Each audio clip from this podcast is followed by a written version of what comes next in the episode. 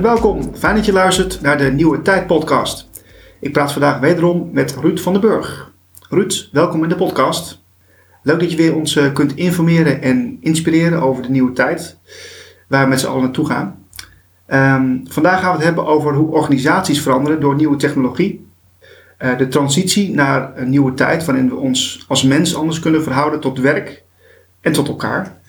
Uh, we leven op dit moment in een informatietijdperk, waar informatie, data eigenlijk, hè, uh, nieuwe olie genoemd kan worden.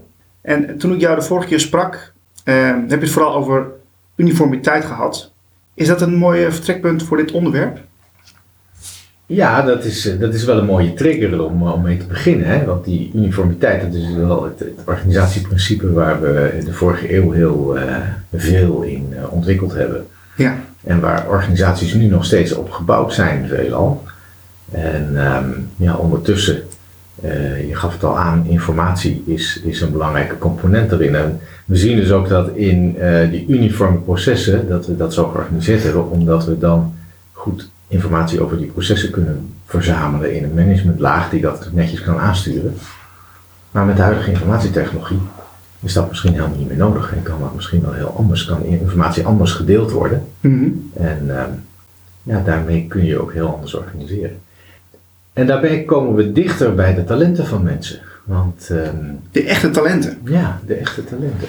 Want uh, als je het, het een beetje machinematig organiseert, ja, dan zijn mensen niet meer dan uh, een, een uh, onderdeel in die organisatie die een bepaalde handeling verricht. Doorgeefluik. En dat routinematig doet. En um, ja, als we het hebben over vakmanschap, hè, de, de, talenten gebruiken, dan is dat routinematig is maar een stukje. En dan gaat het vooral over die creativiteit en dat je eigen erin stoppen. Ja. En um, nou, als ik dan die verandering van tijdperk schets van uniformiteit als als paradigma voor organiseren veel meer naar diversiteit, dan, um, ja, dan ga je heel anders naar zo'n organisatie kijken en dan krijg je een heel andere samenstelling van teams. Ja, kun je er ook een voorbeeld van geven hoe dat, hoe dat dan zou veranderen in een organisatie? Nou ja, een mooi voorbeeld wat ons allemaal wel aanspreekt, dat is uh, bijvoorbeeld de bouw. We hebben uh, op een gegeven moment bedacht dat als je een nieuwe wijken neerzet, dat het heel handig is om daar heel veel dezelfde huizen neer te zetten. Nou ja. En uh, de, de, ook de, de, handelingen die daarvoor moeten verrichten heel erg te verdelen. Dus de timmerman timmert en de metselaar metselt en de dakdekker die, die, die dekt daken en eh, de installateur die, uh, die legt leidingen enzovoort. En dan krijg je hele rare situaties in, want mensen die kunnen hun eigen vakmanschap daar niet meer in kwijt. Dus als de metselaar een muurtje moet metselen en ziet dat als hij dat metselt, dat morgen de, de installateur een probleem heeft omdat die pijpdreiging nog mee moest. Maar van zijn voorman zoiets krijgt van ja, jij moet meters maken in het metselen, dus metsel maar lekker door. En dan heeft hij ook op een gegeven moment zoiets van ja, weet je, is mijn probleem niet, ik nee, metsel wel lekker door. Ja, ja, ja. En uh, als je nou echt fijn huis wil om in te wonen, dan, uh, dan roep je een groepje vakmensen bij elkaar. En dan laat je die s'morgens aan je ontbijttafel even een kopje koffie drinken, zodat ze zien hoe jij je keuken gebruikt. Want dan gaan ze tegen elkaar zeggen, hé, hey, Misschien is het handig als we daar nog een stopcontactje maken en uh, dat soort dingen. Dus dan gaan ze vanuit hun eigen vakmanschap gaan ze samen bedenken hoe dat nou echt een fijn huis wordt. Ja. Dus eigenlijk heb veel, veel uh, beter op elkaar afgestemd en flexibeler. Ja, en dat betekent ook dat je een team krijgt uh, wat met elkaar aan die koffietafel zit en bedenkt hoe het beter kan. Um, en, en, want op het moment dat je team metselaars bij elkaar zet, wat gebeurde in zeg maar de oudere benadering, mm -hmm. ja, dan uh, gaan ze met elkaar uh, het hebben over hoe je nog beter kan metselen. Maar al die andere vakgebieden die worden eigenlijk steeds meer uitgesloten. Ja. En je wil juist dat die vakgebieden samenkomen. Dus je moet diversiteit bij elkaar brengen en op elkaars vakmanschap gaan vertrouwen. Hmm, Oké. En, en hoe, uh, hoe kan de nieuwe technologie daar dan in fungeren? Nou ja, eigenlijk hebben we dat al aangestipt. Hè? We hebben het over informatietechnologie. Er is nog zo'n mooi voorbeeld, dat is de zorg. In de zorg hadden we, uh, hadden we ook het beeld dat als je zorg efficiënt wil regelen, dat je dan uh, van boven moet gaan managen. En, oh ja. uh, dat mensen precies moeten doen waar zij voor opgeleid zijn en in welke salarisschaal ze zitten, zeg maar. En um, dan ga je dus een heel erg groot uh, orgaan binnen de organisatie creëren die dat allemaal gaat plannen en die jou precies gaat vertellen, jij moet zo en zo laat daar zijn en dan moet je precies dat en dat doen en dan heb je zoveel minuten voor en dan mag je weer door naar de volgende, dan heb je zoveel tijd. Nou, Ja. enzovoort. Ja, wat, wat vaak wel grappig is, ik, eh, ik heb zelf ook ervaring in, in, eh, in het maatschappelijk werk, maar ook in, de- in de zorg.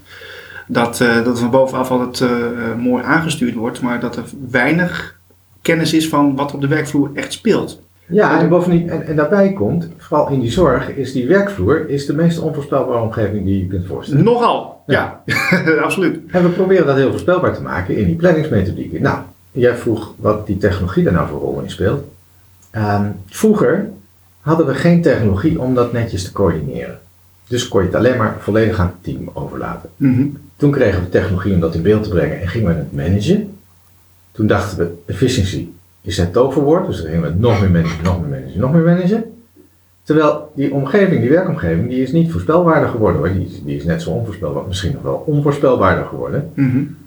Dus als je dat nou weer teruggeeft aan de vakmensen, maar ondertussen met informatietechnologie ervoor zorgt dat ze wel registreren, ja, daar ben ik dan zo zo lang geweest en we hebben een contract, daar kan ik zoveel uren in doen. Dus dan moet ik een beetje in schipperen, dan kan ik hier wat meer doen en daar wat minder doen. En als ik dat dan goed aan mijn collega doorgeef, dan, ja, dan vangt hij dat wel weer, dat andere weer op. En het- je krijgt een hele andere vorm van samenwerking, omdat die informatie veel transparanter is en veel meer gedeeld kan worden Mhm. en makkelijker vastgelegd kan worden. Aha. Nou, dat is echt de technologiecomponent.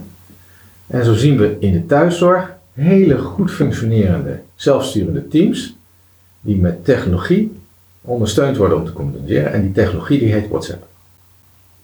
Ja. Nou, dan heb je het over groepsapps bijvoorbeeld. En die hadden we tien jaar geleden niet. Nee, nee. Ja, ik heb er zelf ook wel ervaring mee in ehm, zelfsturende teams. ehm, waar ook wel een heel eh, ehm, risico aan vastzit. En moet ik even snel denken hoe dat eh, in dat team waar ik in zat destijds, eh, hoe dat zich ja, uitspeelde als het ware. Maar ehm, kijk, het, het blijft mensenwerk. En ehm, dus, maar ik weet niet of je met technologie alles kunt ondervangen. Want, want als, dat, dat, dat blijft natuurlijk lastig, hè? het blijft een beetje abstract. Nee, maar dat moet je dus ook niet willen. Dat moet je ook niet willen. Eh, het gaat juist om het samenspel tussen technologie en mensen. Hm. En ehm, nou ja, zo'n voorbeeld in die zelfsturende teams. eh, als, als je daar op een gegeven moment iets niet kan of iets ziet waarvan je denkt, hier maak ik me vreselijk zorgen over. En je gaat proberen om het in je eentje te regelen, buiten het team om, of Ja. zo, zo half naast het team zeg maar. Mhm. En ondertussen ga je iedere keer proberen je team bij te sturen, zodat iedereen wel die kant op werkt die nodig is om datgene wat jij wil regelen te regelen. Ja. Dan gaat het hartstikke spaak lopen. Dat kan voor geen kant. Maar je moet, je moet dan wel alle, alle neuzen dezelfde kant op eh, mentaliteit hebben. Want eh, als er eentje niet doet wat eh, verwacht wordt, dan heb je alweer een, eh, een, een, disbalans. Het vraagt in zo'n, eh, ik, ik heb het net al een beetje genoemd in dat bouwvoorbeeld, het vraagt vertrouwen Mhm. in elkaar en elkaars vakmanschap. Dus als je een probleem hebt, dan kan je proberen om het zelf op te lossen naast je team. Maar het is veel, veel effectiever om het in het team te leggen. Nou, dus, dus wij als mensen moeten ook een stap maken in, in hoe wij eh, naar het werkproces zelf kijken. Ja. Dus hoe, hoe we nou, met elkaar communiceren, maar ook hoe we eh, dat elkaar, met elkaar afstemmen. Nou ja, weet je, in het voetbal zien we het ook. Hè? Als we het over teams hebben dan een voetbal. Als een ter, terspeler zijn eigen gang gaat, dan wordt dat nooit een mooi spelletje. Nee. Nee. Dus die sterspeler die moet, die moet vertrouwen op zijn teammaten. En eh, die moet zich vrijlopen en zeggen, hé hey jongens, eh, kom hier met die bal. Ja, er zijn uitzonderingen, maar je hebt, je hebt zeker de meeste, in, de, in de meeste gevallen gelijk. Ja. Ja, maar dit is wel hoe het, hoe het in principe werkt. Maar Maar dat- zo dat- werkt het in organisaties ook. En gelukkig zijn we dat steeds meer aan het herontdekken. ja. Dat organiseren is teamsport. Nou, ik, ik denk wel dat eh, om dat helemaal zeg maar, te integreren, zal er veel tijd voor nodig zijn. Omdat heel veel mensen nog in. in eh, kijk, weet je, ik, ik, heb, ik heb ervaring met heel veel collega's. eh, ik wil niet, zal geen namen noemen, maar die. die kijk, heel veel mensen willen gewoon. ehm, op, op een toch een routinematige manier willen ze toch hun werk doen.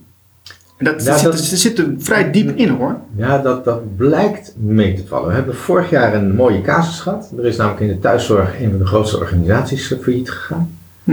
Die heet de Thuiszorg Nederland. En ehm, toen heeft een, eh, een aantal mensen in en rond buurtzorg, die dat op een hele andere manier doet, Eh, die heeft ehm, bedacht dat het mooi zou zijn om dat een doorstart te geven in de vorm van zelfsturing. Daar is een organisatie uitgekomen die heet Familiehulp.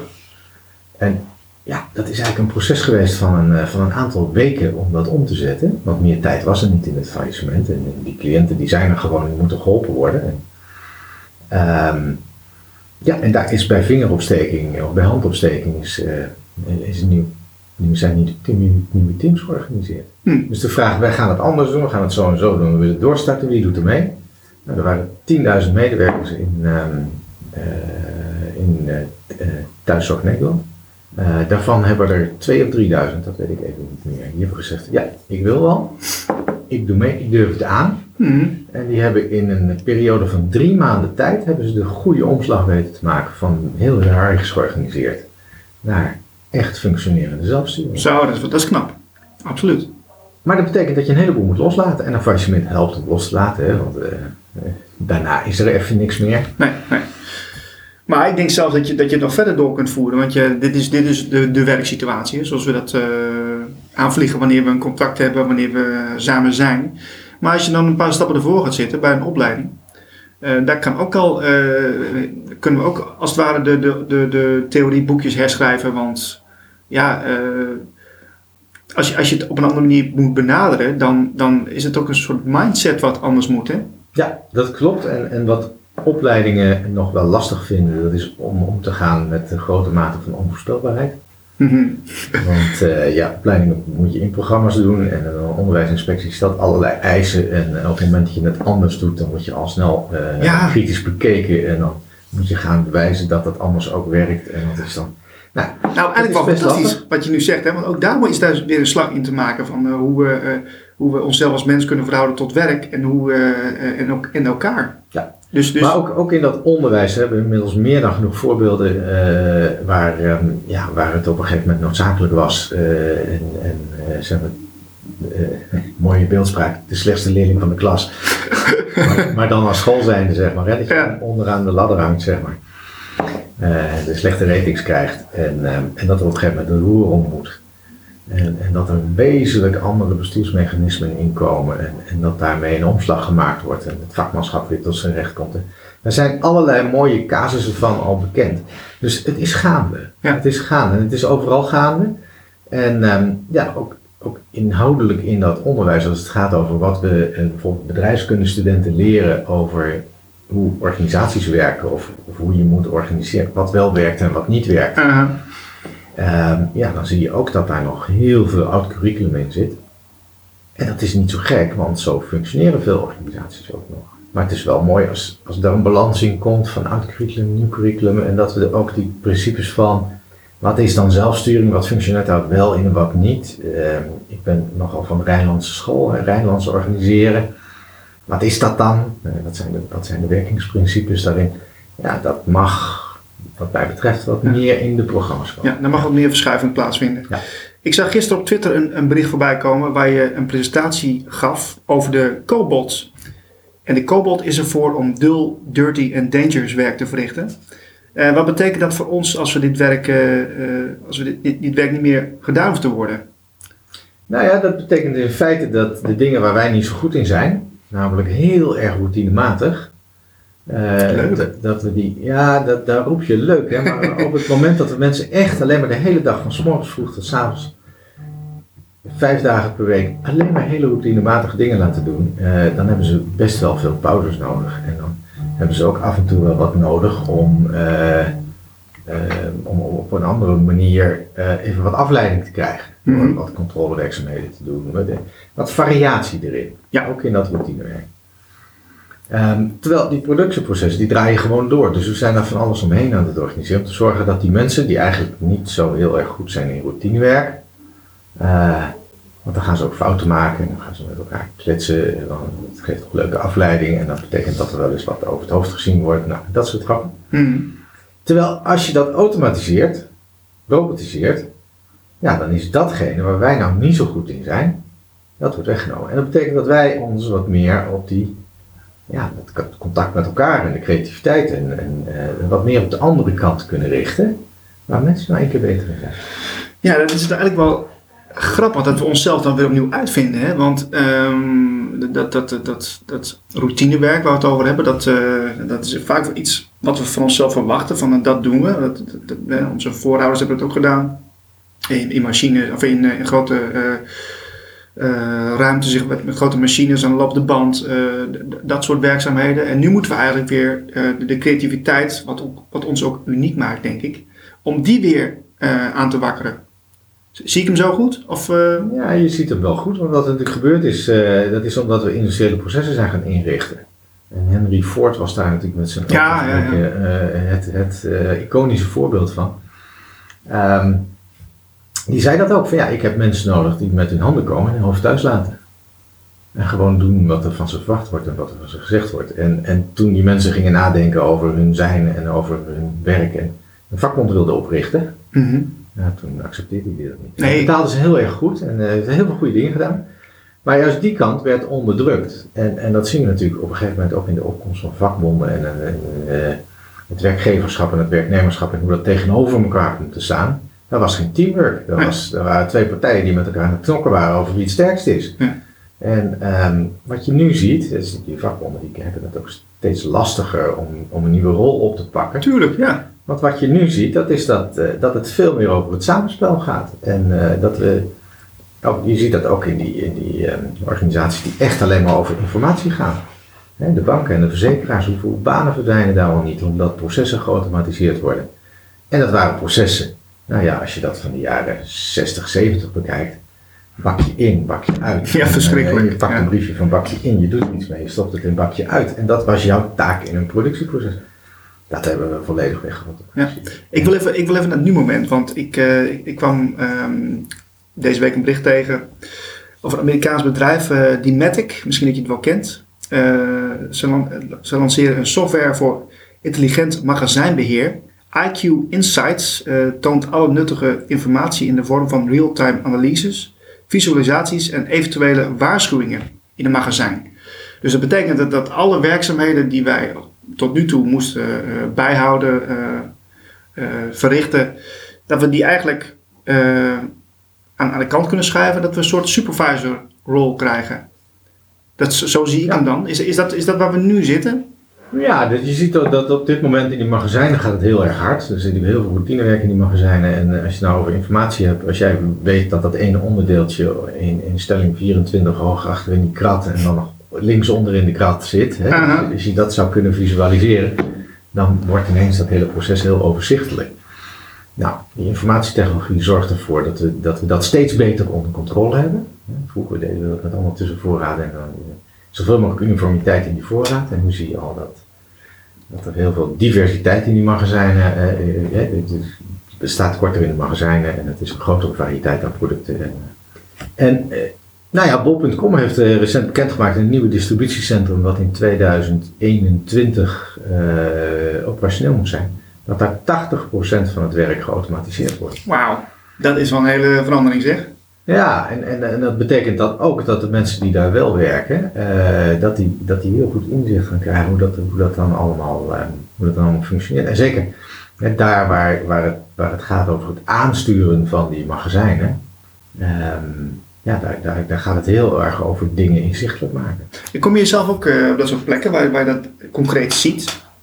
Ja, ik kom in een magazijn. Uh, en en uh, daar, is, daar gaat het dan ook over hoe lang die producten daar staan en wat precies waar staat. En uh, ja, hoe je daarin stappen automatiseert. En ook een beetje een trend, maar het is een beetje een beginnende trend, dat, dat in een magazijn het niet meer op het niveau van een pallet geïdentificeerd wordt, maar op het niveau van een product. Ja, dus, dus nog specifieker. Dat je, van, dat je van elk product weet, of dat het systeem van elk product weet en dus aan jou kan laten zien. Um, waar dat product zich bevindt in een positie in dat magazijn. Ja. En je kunt je natuurlijk uh, heel goed uh, verhouden tot elkaar als je kijkt naar concurrenten. Hè, uh, stel je voor dat ik kan hacken bij een concurrent die, die ook een groot magazijn heeft. En ik kan zien hoeveel, diegene, hoeveel eenheden die heeft van een bepaald product die ik misschien niet heb. -hmm. Dan kun je daar, dat is, is dat de, de, de, de nieuwe trend van elkaar eh, eh, vliegen afvangen of concurreren? Hoe, is, is, zou dat iets kunnen zijn of ga ik nu wat te ver? Ja, dat weet ik niet zo. Dan gaan we het over het concurrentieprincipe hebben. Eh, ik vind dat een ander principe dan het organisatieprincipe. Want organiseren gaat steeds meer over samenwerken en steeds minder over concurreren. Oké. Dus ik, ik denk nog op de oude manier eigenlijk. Nou ja, weet je, het is net als met dat team in de bouw. Op het moment dat uh, die metselaar zichzelf belangrijker gaat vinden dan een loodgieter of ehm, dan een timmerman, uh, dan krijg je nooit mooi teamwerk. Nee, maar dat is ook wel interessant om te onderzoeken. Hè? Want ik, eh, ik zit dus nog heel erg in, in het oude denken. Van beter dan een ander of meer waard zijn dan een ander of, of meer voorraad hebben dan een ander. Terwijl het eigenlijk we moeten het natuurlijk samen doen. We moeten er uh, samen uitkomen. In plaats van die samenwerking, daar moeten we dus wel meer naartoe werken. Zie ik, zie ik dat zo? Of, Ja, en wat je op het moment ziet, dat is dat door samenwerking worden partijen groot. En als ze groot zijn, dan gaan de grote met elkaar knetteruit concurreren. Dat, is, mm. dat is wat er op de tijdgevricht waarin we nu zitten. Ja. Ik las vandaag nog een artikel in, uh, volgens mij het Financieel, Financieel Dagblad van gisteren, over een um, e-commerce bedrijf in India wat het heel erg goed doet en inmiddels gekocht is door een andere grote. Uh, um, en uh, een andere partij die in India heel erg aan het aankomen is, dat is Amazon. Die is daar flink aan het investeren. Mm -hmm. Nou, en die twee die zijn knetterhard met elkaar aan het concurreren. Zo. Maar wat er ondertussen gebeurt in dat knetterhard concurreren, dat is dat ze die e-commerce markt in India, dat die behoorlijk aan het groeien is. Ja, dat zal. En dat is mede een gevolg van het feit dat daar zoveel aandacht aan besteed wordt. En, en dus van die concurrentiestrijd. En in Nederland, wat, wat zijn dan de, de, de, de early adapters, om het zo maar te zeggen, van in Nederland, die dit soort uh, ja, nieuw, de nieuwe manier van werken integreren? Ja, nou wil je dat op technologieniveau of op organisatieniveau bekijken? Dat is natuurlijk altijd weer even de grote vraag. Um, uh, we, zien, we zien organisaties die heel veel van die technologie in huis halen en daarbij alle, allerlei andere partijen opkopen. Een mooi voorbeeld daarvan is uh, het bedrijf Van de Landen. Wat groot is in magazijnsystemen en logistieke systemen. En die heeft um, twee jaar geleden het bedrijf Verdar gekocht. Verdar was een automatiseringsbedrijf dat heel goed was in mixed palletizing. Dus verschillende soorten dozen op één pallet. Um, en een jaar geleden hebben ze Smart Robotics gekocht. Smart Robotics was heel goed in uh, palletizing met cobots en hadden daar hele slimme software voor. Nou, Van der Landen was dus aan het groeien en inmiddels is Van der Landen ook overgenomen door Toyota. Hm. Want Toyota heeft uh, magazijnsystemen, uh, forecast trucks en al dat soort dingen. En is ook vergaand aan het automatiseren. En dus daarin. Dus daar zie je het wel dat al die kennis en al die specialisaties bij elkaar komen dan binnen één organisatie. Ja. Ja, en op andere plekken zie je juist dat, uh, dat partijen heel erg bezig zijn om, om in samenwerking met allerlei andere organisaties uh, hele mooie, snel lopende en goed lopende systemen te maken. Scania is zo'n mooi voorbeeld. Hmm die heel goed met zijn eh, toeleveranciers samenwerkt en eh, heel erg bezig is om de teams die bij hun in productie zijn, om die een stem te geven in het continu verbeteren. Hoe, hoe kan het dan dat ze, dat ze dat nu wel doen en dat, dat, dat het een jaar of vijftig nog niet zo leefde? Heb je daar, is, dat, is dat alleen technologie of is het ook een mindset of is het een combi? Nou ja, kijk, um, als, je, als je dat organisatiedenken, als je dat nou een klein beetje wil begrijpen, dan moeten we terug naar hoe dat ontstaan is. En de eerste um, echt hiërarchische organisatie waar, um, die, die, die zo georganiseerd moest worden omdat informatie niet op een andere manier beschikbaar was, dat waren de Amerikaanse spoorwegen. Dus daar is dat echte managementdenken ontstaan. Hm. Want als je sporen hebt en dat wordt steeds groter en groter en groter, ja, dan kan je dat niet meer overzien. Dus dan moet je een soort centrale commandopost hebben. En dan ga je dat in rayons indelen. Die rayons die moeten vertellen waar is de trein, waar is de lading, waar zijn de passagiers. En uh, die gaan dat allemaal naar boven communiceren. En boven wordt het plaatje compleet gemaakt. En die geven orders naar beneden. Dan moet jij zorgen dat zo en zo laat dat daar is. En, nou, die gaan dat coördineren. Er was ook geen andere manier voor. Maar nu het is net als, als, als de fileberichten. Uh, hoe hadden we fileberichten? Omdat er op allerlei posten werd geconstateerd. Het ging naar een centrale post, daar werd dat verzameld. En kreeg fileberichten. Via de radio kregen we dan fileberichten. En nu heb je een app. En, en, en die app die zegt dat mijn telefoon wel of niet beweegt in dat verkeer. En die doet dat van honderdduizenden telefoons. En um, zo constateert hij dat het ergens wel stroomt of niet stroomt. En dat geeft hij real-time terug. Ja, fantastisch. Maar dat is, dit, is, dit is tekenend voor hoe die informatie anders in elkaar zit en hoe je dus anders kunt organiseren. Ja. flinke tijdwinst dan ook, hè? Absoluut. Ja. Ehm, nou, eh, fantastische informatie weer, eh, Ruud. Ehm, je, jij geeft ook lezingen en werkt samen met mensen die bezig zijn met deze technologie. Ehm, eh, wat, wat, wat, wat zie jij in, eh, in de toekomst eh, gebeuren? Dus, eh, wat, wat, wat, zou, wat is het concrete gedrag van, van ons als mensen? Eh, wat, wat veranderen zal nu, nu dit soort veranderingen plaatsvinden? Kun, kun je een, een, klein schets Ja. van de toekomst geven? Ja, dat is, dat, dat is altijd heel erg lastig. Want alles is zo ontzettend in beweging dat het heel moeilijk is om vooruit te kijken. Wat we in ieder geval op dit moment zien, dat is dat eh, kunstmatige intelligentie eh, er enorm in aan het komen is. Dat het herkennen van patronen, algoritmes kunnen dat vele malen beter dan wij dat kunnen. Dus daar gaat een ander samenspel ontstaan van ehm, algoritmes die ons aan de ene kant kunnen vertellen eh, wat er aan de hand is, waarop wij weer op een andere manier naar de wereld kunnen kijken.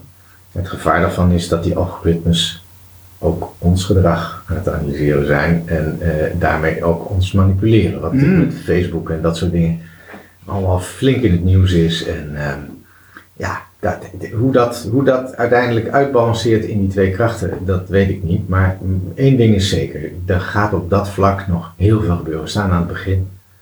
Spannende tijd. Het is een ontzettend spannende tijd. En nou ja, dat is ook als we het dan over organiseren en organisaties hebben, eh, dan gaat het over het voortdurend bewustzijn van het feit dat er dingen in beweging zijn en eh, voortdurend bezig zijn om te kijken wat voor beweging je daar zelf mee gaat maken.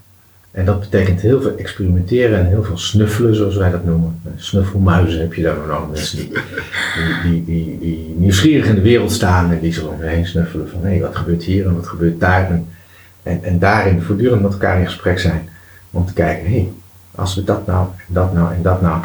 En dan in die vernieuwing allerlei verschillende lijntjes vinden waarbij ze zeggen, nou ja, als ik die lijntjes zo met elkaar verbind, dan ontstaat er eigenlijk een soort van vogelnestje uit al die verschillende lijntjes.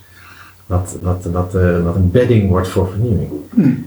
En dat zie je ook dat organisaties die daar zo mee bezig zijn en die voortdurend aan het verkennen zijn, dat die ook enorme sprongen maken in hun positie en hun, ja, hun betekenis in de markt. En betekenis in de markt wordt helaas ook nog vaak vertaald, hè, want eh, we, kunnen niet zo goed met macht omgaan. Dus Ja. op het moment dat je veel macht krijgt, dan, word je, dan kom je ook altijd wel weer ergens in het nieuws dat die macht verkeerd gebruikt wordt. Tuurlijk. Dus eh, de Facebook-discussie, de Netflix, de, nou ja, alles waar het nu gebeurt, waar je ziet dat er een enorme groei zit vanuit die, ja, eigenlijk die informatiebasis om dingen anders te doen en anders te organiseren, andere producten aan te bieden en anders met je vraag en aanbod om te gaan en, en dat hele complexe spel. Die komen ergens ook in het nieuws dat ze dat niet altijd op een evenette manier doen. Nee, nee, dat is eh, wel bekend. Ja. Ehm, tot slot, eh, wil je, nog iets vertellen eh, aan de luisteraar die in dit, dit onderwerp ontzettend geïnteresseerd is? Ehm, ja, eh, een laatste woord van hoe jij dit op dit moment ziet, deze ontwikkeling. Ja, ik, ik denk de luisteraars die ontzettend geïnteresseerd zijn, die hebben natuurlijk allemaal ook hun plekje in, in de maatschappij en in de dingen die ze doen. En ehm, eh, zoeken elkaar op. Ga samen snuffelen. Realiseer je dat diversiteit een kracht is. Dus Ja. als, als anderen anderen er anders denken, dan is het heel mooi om er nieuwsgierig in te staan en je af te vragen: nee, wat wil mij dat eigenlijk zeggen dat die ander anders denkt? Zie ik iets niet? Of gaan we eens open gesprek met elkaar. Mooie kans, ja. En, eh, en van daaruit, ehm, ja, ehm, ook binnen organisaties en de rol die je binnen organisatie hebt, eh, moet ook rustig is aan om, om met elkaar te gaan snuffelen. Ja. En eh, inmiddels zijn er ook een aantal partijen eh, die, dat, eh, die dat op een hele mooie manier begeleiden en doen. Ik zit zelf in het netwerk van de Limes. En ehm, nou ja, dit, dit, soort, dit soort dingen, daar, helpen we graag bij. En dat is een ontzettend mooie uitdaging iedere keer weer om in het moment zelf te kijken wat gebeurt hier. En wat zien we daar voor nieuwe mogelijkheden in? En hoe kunnen we daar net even een duwtje in de goede richting geven? Mooie inspiratiebron, Ruud. Dank voor je tijd. En eh, we nemen de, de loop van de jaren wel een keer weer, weer een podcast op, denk ik. Fijn, dankjewel. Voor meer informatie en podcasts ga je naar de website blikopdemaatschappij.nl